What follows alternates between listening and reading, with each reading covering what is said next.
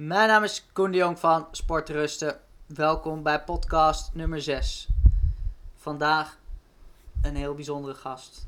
Op een wel heel bijzondere plek. Ik zit hier met Marco Rink. Marco, om te beginnen. Waar zijn wij? Koen, wij zijn in Finland. Noordoost-Finland om, eh, om precies te zijn. We zitten vlak bij de Russische grens. Aan een van de mooiste meren van Europa. Lake Kitka. En eh, we zijn op het terrein van een voormalige school. We noemen het nog steeds school. De Taiga school. Hè, want dat is het gebied waar we zitten. De Taiga. En eh, ja... eh, we zijn 1 september, dus eh, september aanstaande, zijn we, zijn we voor het eerst echt open om, om mensen hier iets te bieden wat ze in Nederland niet meer kunnen krijgen. Ja, want wij zitten hier in de houtschuur. Dus Ja. we hebben even een rustig plekje opgezocht om rustig te zitten. Met Ja. de lekkere geur van hout. Het is niet zo'n verfrissen, dit is echt. Dit Ja. is echt. En we kijken uit naar buiten op een enorm gebouw. Ja. 11 slaapkamers, 22 bedden, twee sauna's, open haarden, open keuken, yoga, Ja. zaaltje. Hoe ben je hier aangekomen? ja, het avontuur is allemaal een jaar of vier geleden begonnen. Toen we op Helsinki Airport stonden, Rick en ik. En we zagen, eh, zeg maar op het schermpje stond de Kusamo, min 38. Toen hadden we wel zoiets van, mijn god, waar gaan we naartoe? En ehm, toen we landden in onze spijkerbroekjes en onze jackies en we uitstapten en toen voor het eerst zeg maar doorkregen wat min 38 in, inhield. Dat was wel even van een, eh, van een nieuwe orde. Maar ook ging, ging ja, eigenlijk direct het avontuur had wel, eh, wel sneller kloppen, zeg maar. En zo is het begonnen. En eigenlijk vanaf de eerste avond, dat Rick en ik uiteindelijk geland waren, voor het kampvuur kwamen te zitten in een of andere blokhut in het plaatsje nabijgelegen eh, genaamd Ruka. Eh, daar had ik zoiets van, nou, dit is, dit is het gewoon. Dit, eh, dit is zoiets speciaals. Daar hangt die zo'n speciale vibe. Eh, ik wist eerlijk gezegd zelf niet dat het nog bestond. Zeker niet in Europa. Ik had gedacht, misschien ergens boven in Alaska of zo, waar je die vibes nog hebt. Maar ja, het is in Europa dus ook nog aanwezig. En met name in, in dit gebied en meer noordelijker nog. En over wat voor vibe heb je het dan?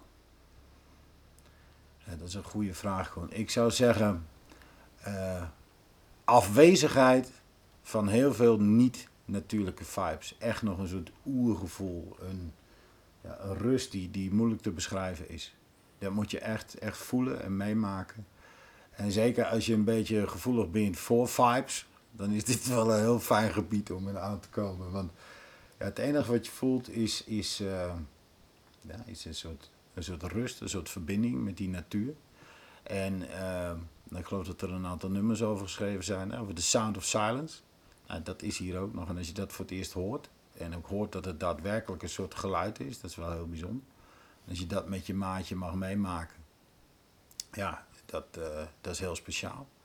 En uiteindelijk word je dan heel enthousiast en wil je dat delen met mensen. Want wat was de reden de eerste keer dat je hier met Rick kwam? Ja, er Wat was bracht een, je hier? er was een, eh, een eh, groot bedrijf in Nederland. Eh, die had een groep directeuren. En die groep, dat moest een team worden. En zo via via is die aanvraag bij ons terechtgekomen. En het was eigenlijk zo, jongens, je hebt carte blanche als je er maar een team van maakt. Nou, toen zijn Rick en ik gaan brainstormen van hoe gaan we dat nou doen. Nou, hè, wij geloven heel erg in set en setting. Maar met name de setting eh, ja, is natuurlijk ook heel belangrijk. Doe je dat ergens in een klaslokaaltje onder TL-licht? Of ga je dat doen op een plek die ergens diep verscholen nog zit in ons DNA? Nou, en eh, wij hebben voor het laatste gekozen, en aangezien we carte blanche hadden. eh, zijn we op zoek gegaan naar de laatste wildernis van, van Europa. En eh, bij toeval kregen we de tip om dat hier te zoeken. Nou, dat was een schot in de roos. En eh, we zijn heel, heel blij en dankbaar dat we die trip hebben gemaakt. We hebben eerst een voorverkenningsreis gemaakt van een week. En uh, twee weken later stond die groep met tien directeuren hier. En weer een week later waren het geen directeuren meer, maar maatjes van elkaar.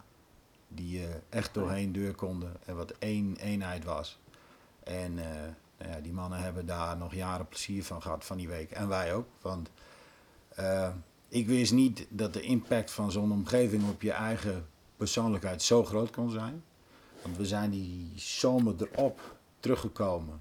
Om, om ook in de zomer eens te kijken hoe het hier, uh, hoe het hier aanvoelde. Ja, daarna konden we niet meer weg. Dan zaten we gevangen in het bos. En we zitten er nog steeds. En wat doe je hier nu? Hoe zien jouw dagen eruit?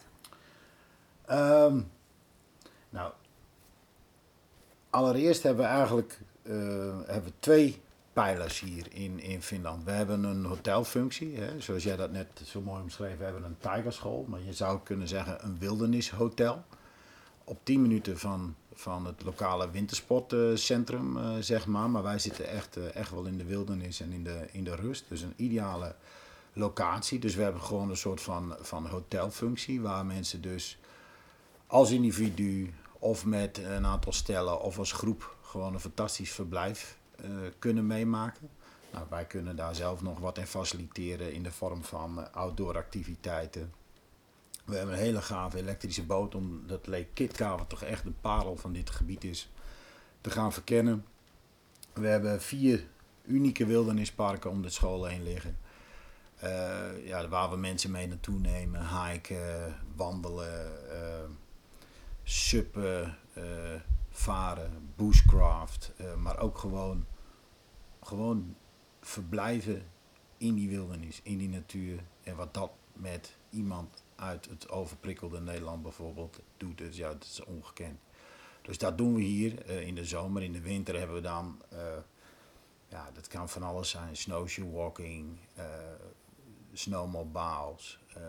je kan naar Santa Claus toe het Noorderlicht. Nou, dat moet je eigenlijk wel een keer gezien hebben in je leven. Uh, maar ook het gebruik van de sauna's hier, daar hebben we toch wel een klein beetje, uh, nou ja, uh, opgepompt naar ons eigen verhaal, zeg maar. We doen heel veel met ademhaling, waar we onze klanten ook in, in proberen te betrekken. Koude expositie, dus we gaan ook met mensen echt het ijs in en dergelijke. Dus dat is dan even de, de hotelfunctie en dat ja. noemen we de Tigerschool. En die site is tigerschool.com. Ja. Um, en daarnaast hebben we een methodiek. En die methodiek die noemen we OER. En het, uh, nou, de naam zegt het al. Hè. Wij proberen mensen weer mee te nemen naar dat oergevoel. Dat gevoel wat we een beetje in rap tempo aan het kwijtraken zijn. Um, en dat is dan wat minder denken en wat meer voelen. En daar zijn we technieken voor om daarin aan te komen. En uh, ja, op dat avontuur nemen wij mensen mee. Vaak duurt dat een week. En in die week proberen we ze nou, diverse technieken aan te leren. Uh, die dat proces versnellen. En die technieken nemen ze dan mee naar Nederland. En kunnen ze in hun dagelijkse ja, bedrijvigheid uh, toepassen. Je zegt nu zelf dat nou, een, een kern van oer is, joh, wat minder denken, wat meer voelen. Ja. Hoe lang kennen wij elkaar nu? Ja, Ook een jaar of vier, vijf, vijf denk ik. Ja. De eerste keer dat ik jou zag, je ziet eruit, je bent een grote man, woeste baard, lage stem. En je bent uh, duidelijk ook heel aanwezig en druk en prominent.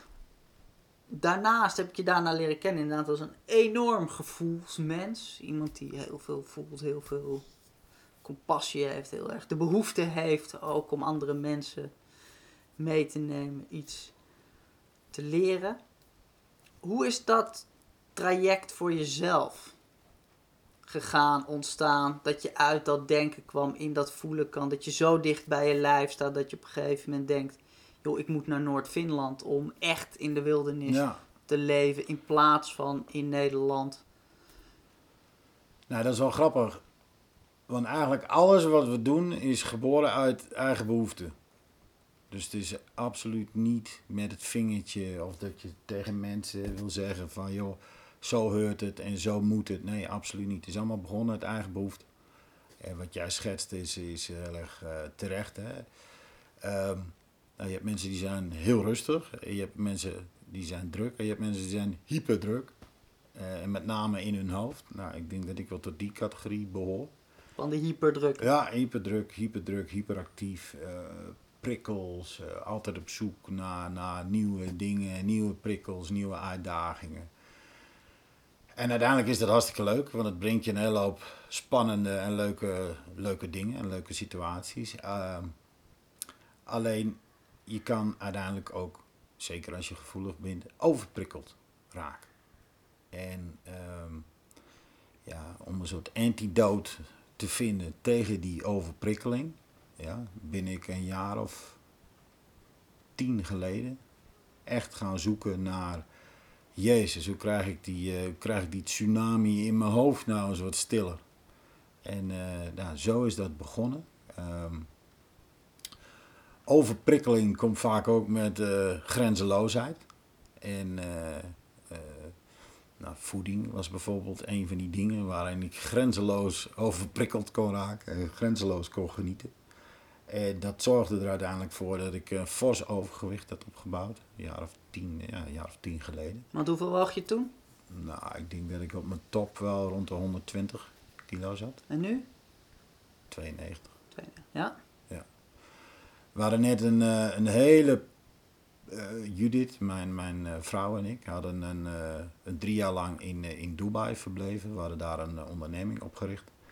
En, nou ja, enthousiast daarin gedoken. En uiteindelijk vergeten dat zaken als ontspanning, goede voeding, beweging, kortom balans, de basiselementen zijn voor duurzaam succes uiteindelijk.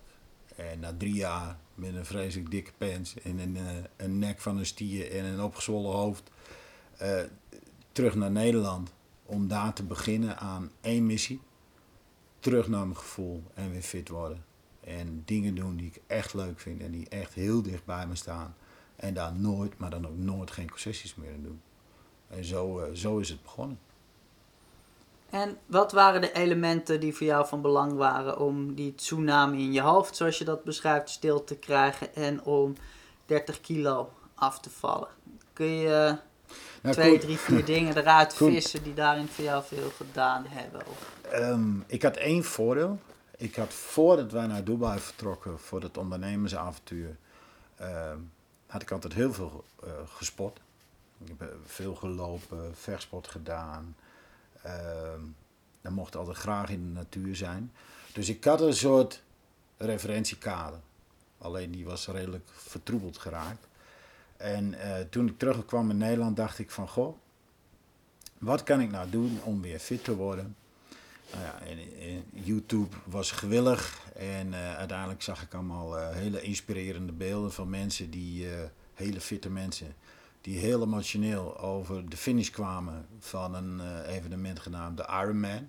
Ja. En dat inspireerde mij en ik zag op een of andere manier niet één iemand met overgewicht er over die, over die lijn komen. Ik denk, nou ja, die mensen die moeten wel iets goed doen, want anders kom je niet aan de finish van zo'n evenement. Hè? Een hele triathlon. Dus ik dacht, joh, als ik dat nou als doel stel, dan ga ik in dat proces vanzelf fit worden.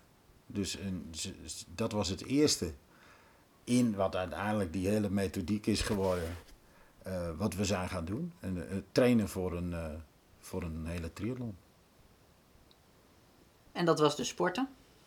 Dat ja. was anders eten?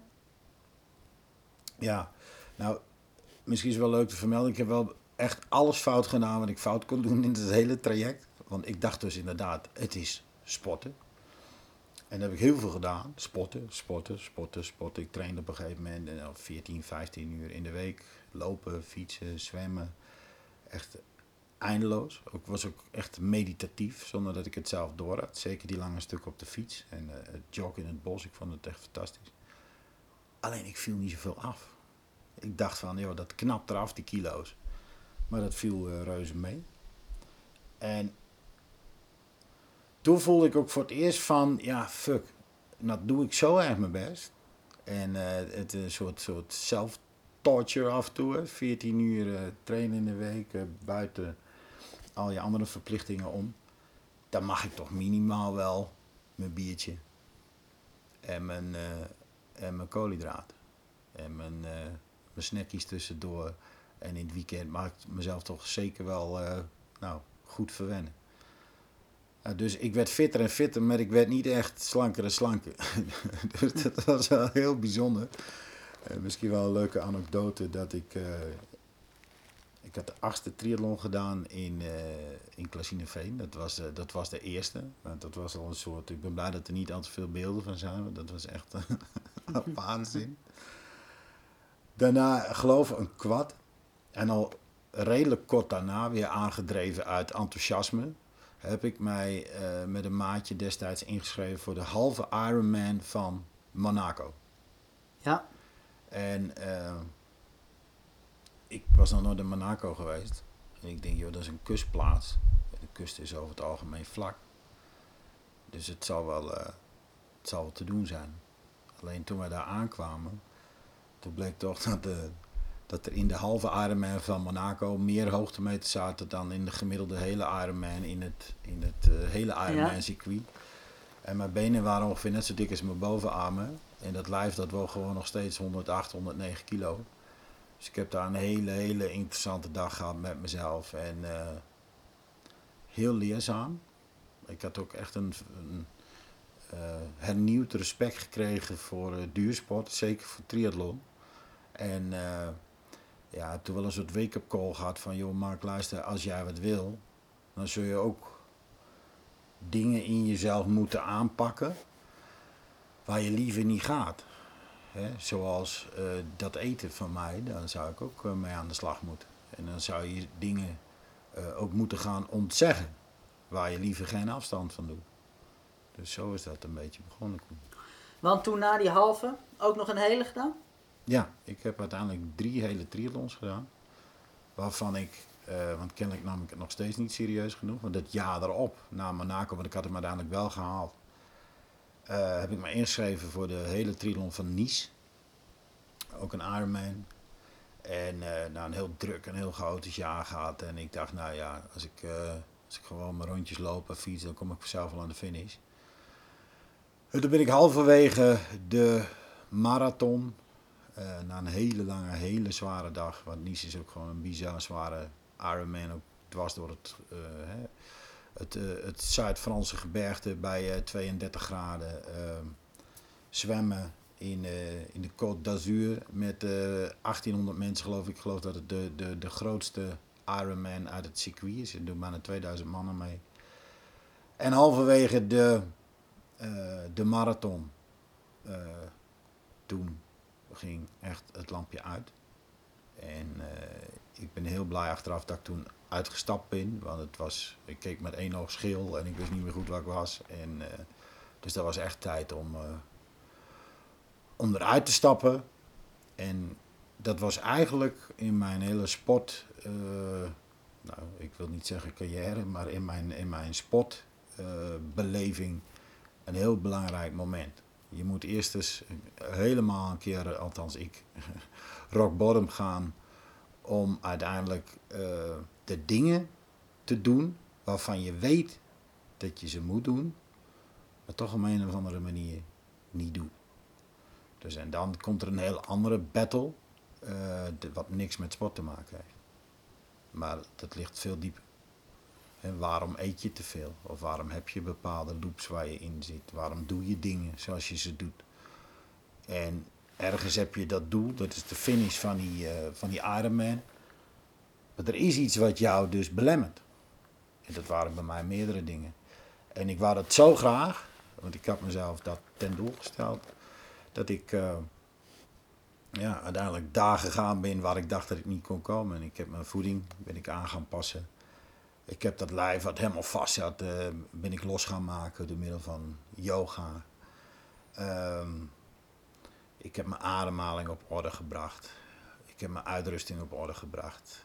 Eh, en ja, uiteindelijk ben ik echt heel serieus gaan trainen na uh, een nieuwe Ironman in het circuit. Dat was in uh, 2011. Toen ging er in Wales, in Engeland, in het plaatsje Tenby, ging er een nieuwe Ironman eh, in het circuit van stad. En eh, uiteindelijk heb ik mij eh, daarvoor ingeschreven. En heb ik de eer gehad om met de eerste Ironman in, in Tenby mee te mogen doen. Volbracht. Ja. Ja. En je zegt dan nu van joh, ehm, op het moment dat je bijvoorbeeld met voeding aan de gang gaat, je stipt al aan joh, dat is niet alleen een kwestie van eh, te veel eten en dus even anders gaan eten, zodat je niet meer te veel eet. Want je zegt, joh, wat is dan de oorzaak van het feit Ja. dat je te veel eet en, en dat Ja. moet je aangaan en dingen. Wat zijn dingen daarin die jij hebt geleerd over jezelf? Waarvan je zegt, ja, daar had ik niet verwacht dat ik dat tegen zou komen, maar in dat traject was dat echt wel leerzaam en bijzonder om te ervaren. Ja, je komt erachter dat je, ehm, dat je toch dingen blust met bepaalde gedragingen. Hè? Je, eh, zeg maar, overdag ben je aan het werk en eh, uiteindelijk ehm, levert dat een bepaalde mate van stress op. Eh, en dat gaat allemaal onbewust, hè? omdat over het algemeen ben je enthousiast en je ramt door en je knalt door. En dan komt er een ontspanningsmoment. Nou, in dat ontspanningsmoment ehm, ga jij dingen opzoeken die dopamine triggeren. Dat kan zijn het, eh, het lekker Belgisch speciaal biertje met het bij me horende broodje. Ehm, dat kan zijn lekker uit eten gaan. Ehm, dat kan zijn tussen de middag gezellig ergens eh, lunchen of even wat eten. Maar als het in je aard is, eh, zit om dingen nou, met volle overtuiging en nogal zonder kaders te doen, dan is dat ook één daarvan. En eh, uiteindelijk voelt dat goed. En eh, denk je, wauw, dit is lekker en dit is gezellig en dit is leuk en dit werkt verbindend. Maar als jij niet op een veel dieper niveau kijkt naar wat is nou balans, wat kan en wat kan niet, wat is goed voor mij en wat is niet goed voor mij. En als je daar niet eerlijk in wordt, naar jezelf toe, dan kom je daar gewoon nooit uit. Het moet eerst bewust worden. En je moet de bereidheid hebben jezelf dingen nu te ondernemen, zodat je daar in de toekomst de benefits van plukt. En wat zijn twee, drie dingen die jij jezelf toen ontnomen hebt, waardoor je alsnog 20 kilo afviel? Ehm, nou, dat is wel grappig. Dat is natuurlijk ook wat we hier heel erg doen. Ehm, er zijn heel veel mensen die roepen dingen. En dat doen ze vaak met de beste bedoelingen. Maar eh, nou, in de recente geschiedenis hebben we eh, gemerkt dat mensen die roepen er nog wel eens naast zitten. Hè? Bijvoorbeeld de schijf van vijf. Ja, Ehm, ik denk dat, eh, dat er één echte teacher is op deze planeet en dat is de natuur. En nou, daar begint de eerste stap. Eet nou gewoon eens dingen die uit de natuur komen en waar de mensen met hun vingertjes vanaf zijn gebleven. Begin daar eens mee. Zoek een goede biologische boer op, ergens in de buurt. Iemand die met passie zijn vak doet, niet met allemaal rare pesticiden aan de gang is of allerlei eh, groeiversnellers erdoor eh, gooit. Nee, zoek iemand die echt respect heeft voor die natuur, die voeding levert en ga dat eten. En, eh, want dat is wel grappig. Eh, kijk, zoals die, die laat, laat ik het zo zeggen, de, de, de enthousiasme en de grenzeloosheid kan tegen je keren. Het kan ook voor je werken. Dat als je zegt, oké, dezelfde grenzeloosheid zet ik nu in om grenzeloos gezond te gaan eten. Dan kom je dus bij dit soort mensen uit die een, een gigantische kennis hebben. Dan ga je verdiepen, eh, je duikt internet op en dan ga je niet kijken, nou wat is nou comfortabel voor mij, maar wat werkt echt. Nou, ik ben uiteindelijk eh, uitgekomen bij een methodiek die steeds meer aan populariteit wint, genaamd intermittent fasting. ja. Nou, dat is al een beetje shocking, hè? want dan moet je jezelf voeding onthouden. Want even kort voor de mensen die luisteren die niet weten wat het is. Wat is intermittent fasting? Ehm, is dat je binnen een van tevoren gepland raamwerk gaat eten en in een periode op de dag niet eet.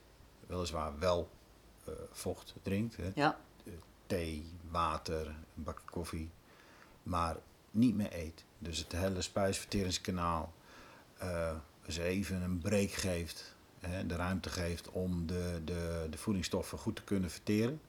Maar ook ehm, de tijd geeft om nou, stoffen die misschien al heel lang in je lijf rondzweven, om die te kunnen verteren. Want als het lijf dan even geen voeding heeft, dan kan het eindelijk beginnen met overtollige shit eruit te werken. Eh, ja, dat begint dan vaak met eh, de opgeslagen vetreserves. Wat is het tijdraam per dag dat je eet? Dus het 24 uur in de dag. Ja. Van hoe laat tot hoe laat eet jij? Ik eet 8 uur per dag. Ehm, nou, op een ideale dag hè, begin ik om een uur of 11. En dan stop ik vaak rond 6 uur, 7 uur. Zo. En in het begin is dat eh, echt hartstikke moeilijk. Want je, je- dat is wel grappig misschien om te vermelden. Je denkt namelijk dat je honger krijgt. En in het begin krijg je dat ook. Maar het is helemaal geen honger. Op het moment dat je dit soort zaken gaat aanpakken, eh, kom je erachter dat je gewoon tot aan je wenkbrauwen verslaafd bent aan snelle suikers. En dat geeft dat onhamische gevoel dat je moet eten. En eh, als je een paar weken verder bent, denk je, hé, hey, wat een rust, hé.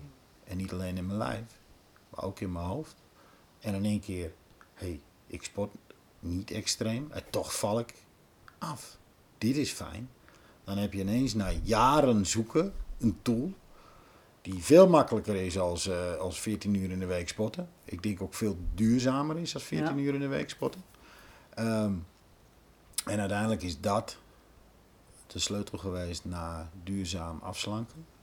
En ik moet daar wel bij vermelden, dus echt natuurlijke producten, 8 uur per dag. En één hele grote marke die ik overboord heb gezet eh, in die periode eh, is vlees en vis. Ja. Dus we hebben het wel wat dat betreft eh, vrij serieus aangepakt. Ik, ik ben toen redelijk devoot vegetariër geworden. Ja. Eigenlijk tot aan nu. En nu, omdat we hier midden in de natuur leven en aan een, aan een fantastische meer wonen met hele fijne verse vis, vind ik het, eh, kan ik het voor mezelf verantwoorden dat als ik zelf een, een, eh, een visje vang, dat ik hem eh, met respect opeet. Dus daar zijn we inmiddels aangekomen. Maar Ja. ik eet absoluut geen, geen vlees meer.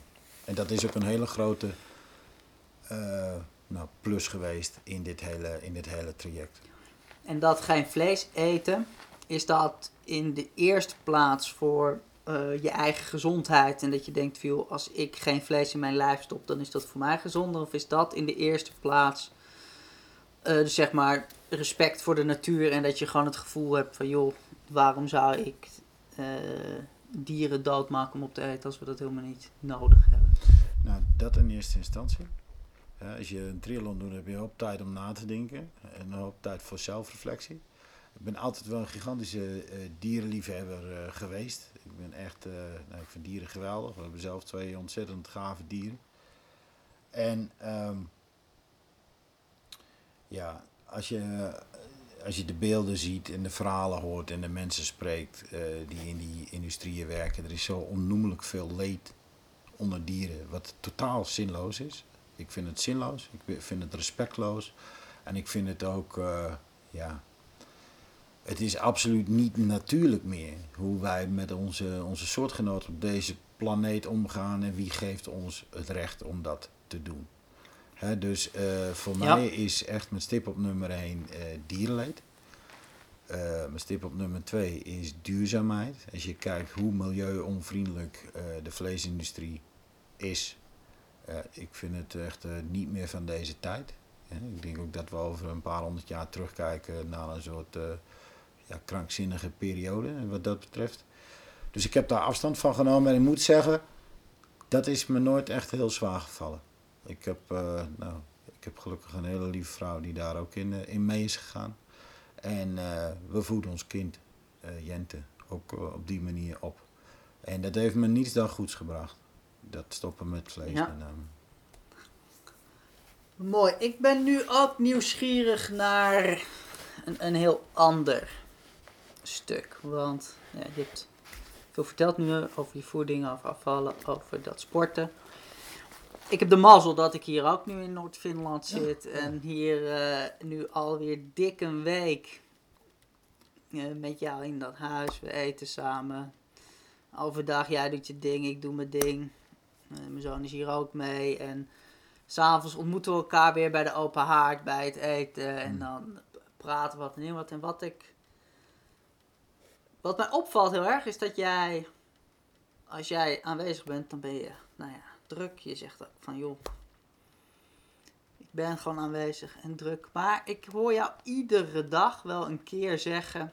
Als we daar met z'n zevenen zitten. We zijn aan het praten, we hebben discussies, we hebben gesprekken, we zijn aan het lachen. Beesten lopen links en rechts om ons heen. Er is altijd een moment dat jij op een gegeven moment opstaat, je dochter op de kruin kust en zegt: Papa gaat even een half uurtje mediteren, gaat even een half uurtje daar en daar zitten. Hm, Laat mij maar even. ja. Dan ben je een half uur van de radar. En dan kom je rustig en ontspannen terug. Ja, ja. Wat doe jij dan?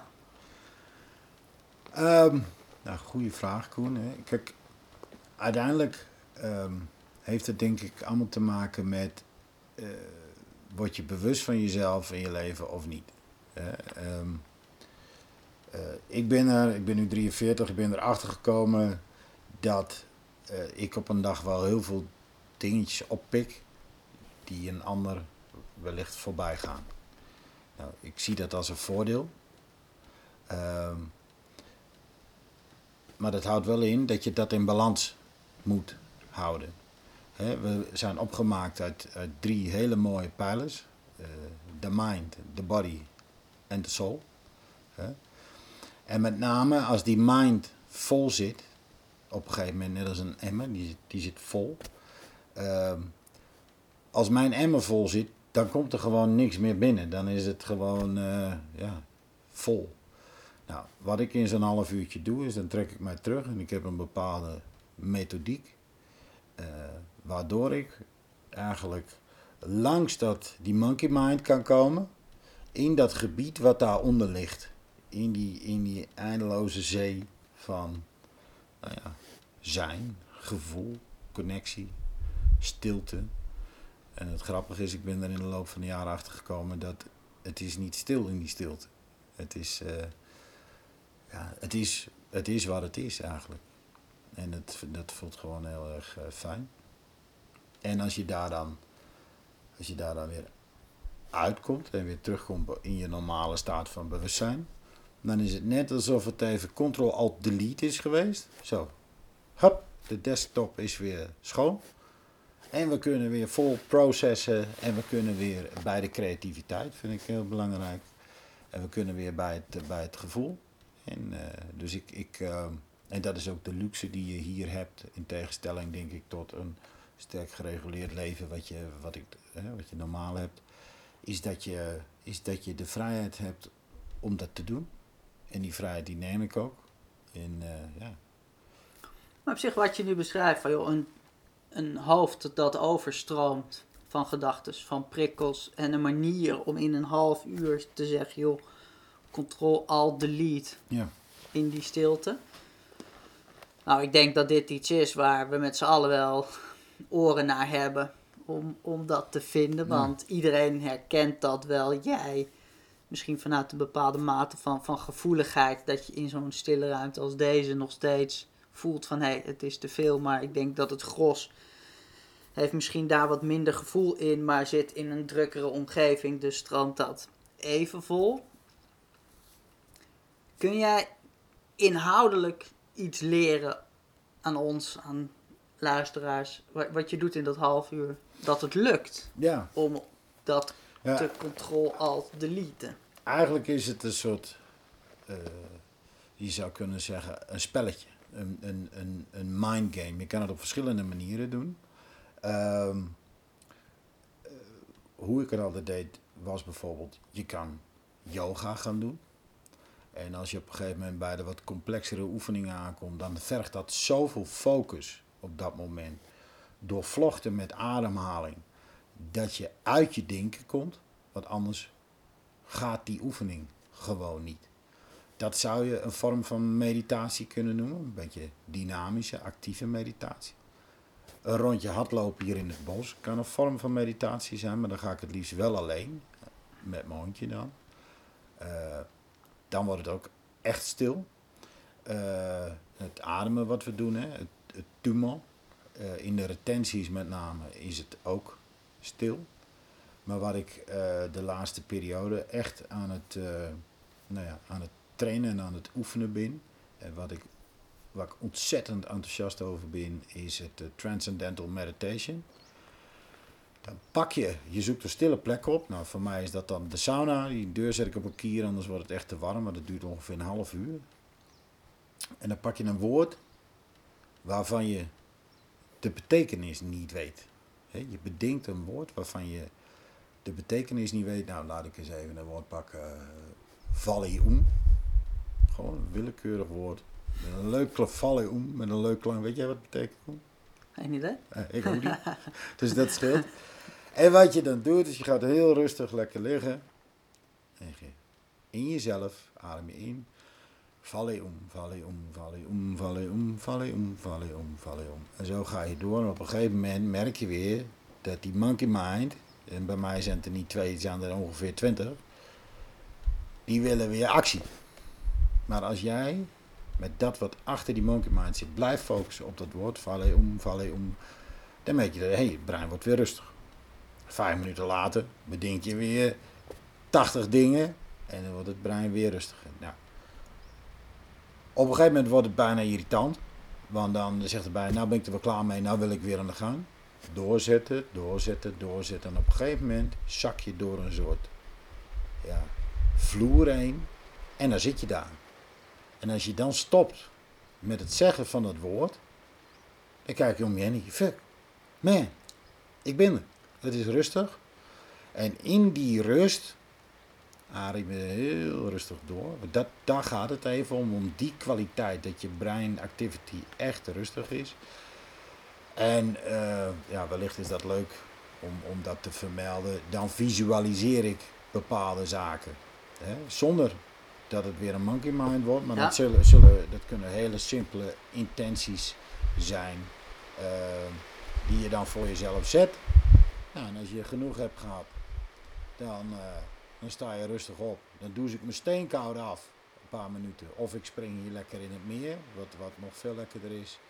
En daarna ben ik gewoon een nieuw mens. Dan heb ik gewoon, up, Ctrl delete en dan kunnen we gewoon weer door.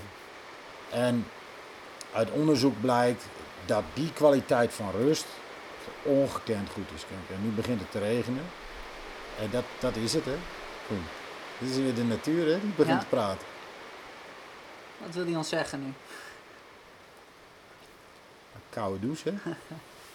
Altijd een goed idee. Ja. En is dit wat jij zelf dan hebt doorlopen?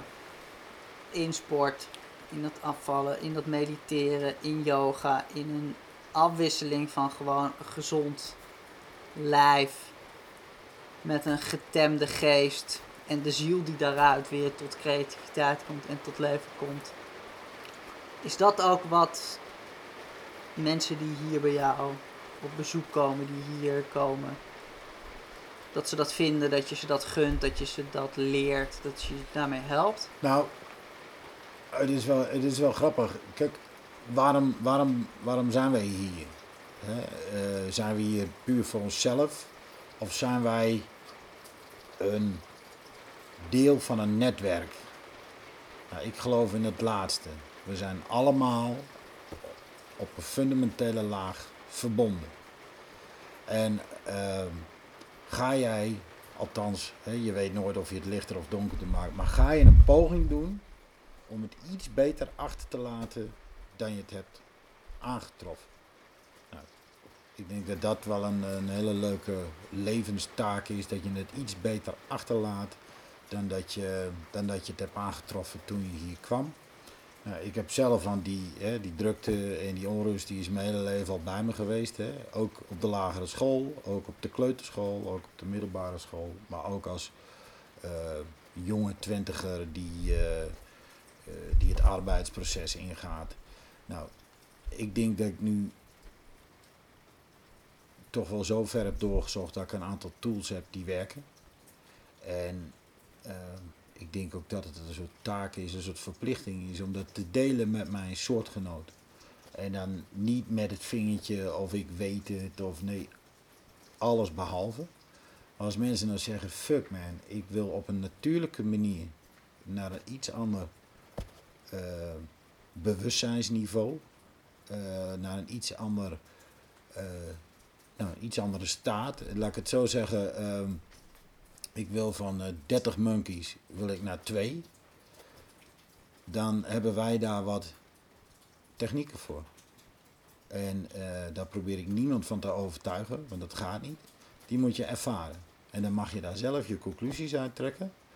En als je er dan achter komt dat het gigantisch verbindend werkt in je team, omdat al die grote mooie ego's allemaal wat kleiner worden. En je wat meer in dat gevoel komt. En dan, dan gewoon achterkomt dat we gewoon allemaal hier op deze blauwe bol door een onmetelijke kosmos zweven en proberen uh, er wat van te maken. Dan is het wel mooi dat je. Ehm, nou, uh, ja, moet ik dat nou het best zeggen? dat je in de waanzin van alle dag daar af en toe even uit kan stappen en weer verbonden kan zijn met alles wat is en dat het gewoon goed is. En dat je duurzame tools hebt om bijvoorbeeld slank, fit, gezond, vitaal, creatief uh, te blijven. In plaats van dat je de hele dag min of meer onderbewust geprogrammeerd wordt door een, uh, ja, door een corporate uh, systeem wat, wat, wat erop geënt is om jou alleen maar iets te verkopen. Kijk, uh, mensen komen hier, boeken een geweldige week, dus in die zin koop je ook iets. Maar je neemt iets mee waar je de rest van je leven wat aan hebt. Dus in die zin vind ik het een hele verre deal.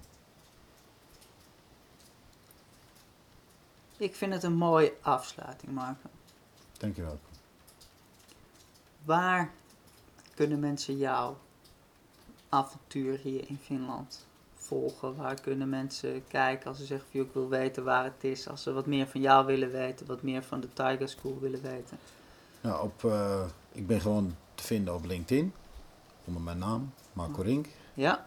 Um, op Instagram ook onder mijn naam, Marco Rink 1975. Kunnen mensen gewoon liken of volgen en daar plaats ik af en toe wat fotootjes en filmpjes. En dat zal in de nabije toekomst toenemen.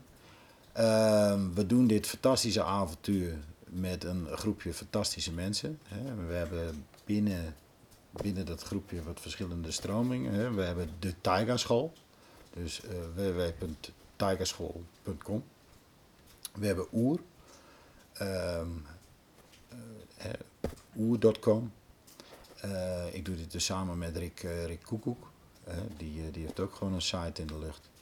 En nou, op die platformen, de, de, het onderliggende verbindende deel is, is het gebeuren hier in Finland. Dus als mensen daarop zoeken, dan, dan komen ze vanzelf daar waar ze moeten zijn. En ze kunnen hier altijd als gezin of als individu een, een geweldige week of lang weekend boeken maar zeker ook organisaties ja, die een stukje gezondheid en de duurzaamheid van hun human capital en de, de, verbinding op de werkvloer uh, toch aan de basis leggen van hun uh, succes. ja, dan denk ik dat dit een geweldig mooie opportunity is om dat hier te doen. Kijk, ik zal in ieder geval op sportrusten.nl bij deze post de links plaatsen naar de verschillende websites die je net noemde en de social media. Want hoewel je hier midden in de natuur zit en hier het gevoel hebt dat internet en de social media ver weg zijn, blijft het natuurlijk een makkelijk instrument om in ieder geval de verbinding te maken met de andere mensen. Dus we zetten het erbij. Ik wil jou voor nu hartelijk danken. En heel veel succes wensen met alles wat je doet. Komt goed. Wordt vervolgd. Zo is dat.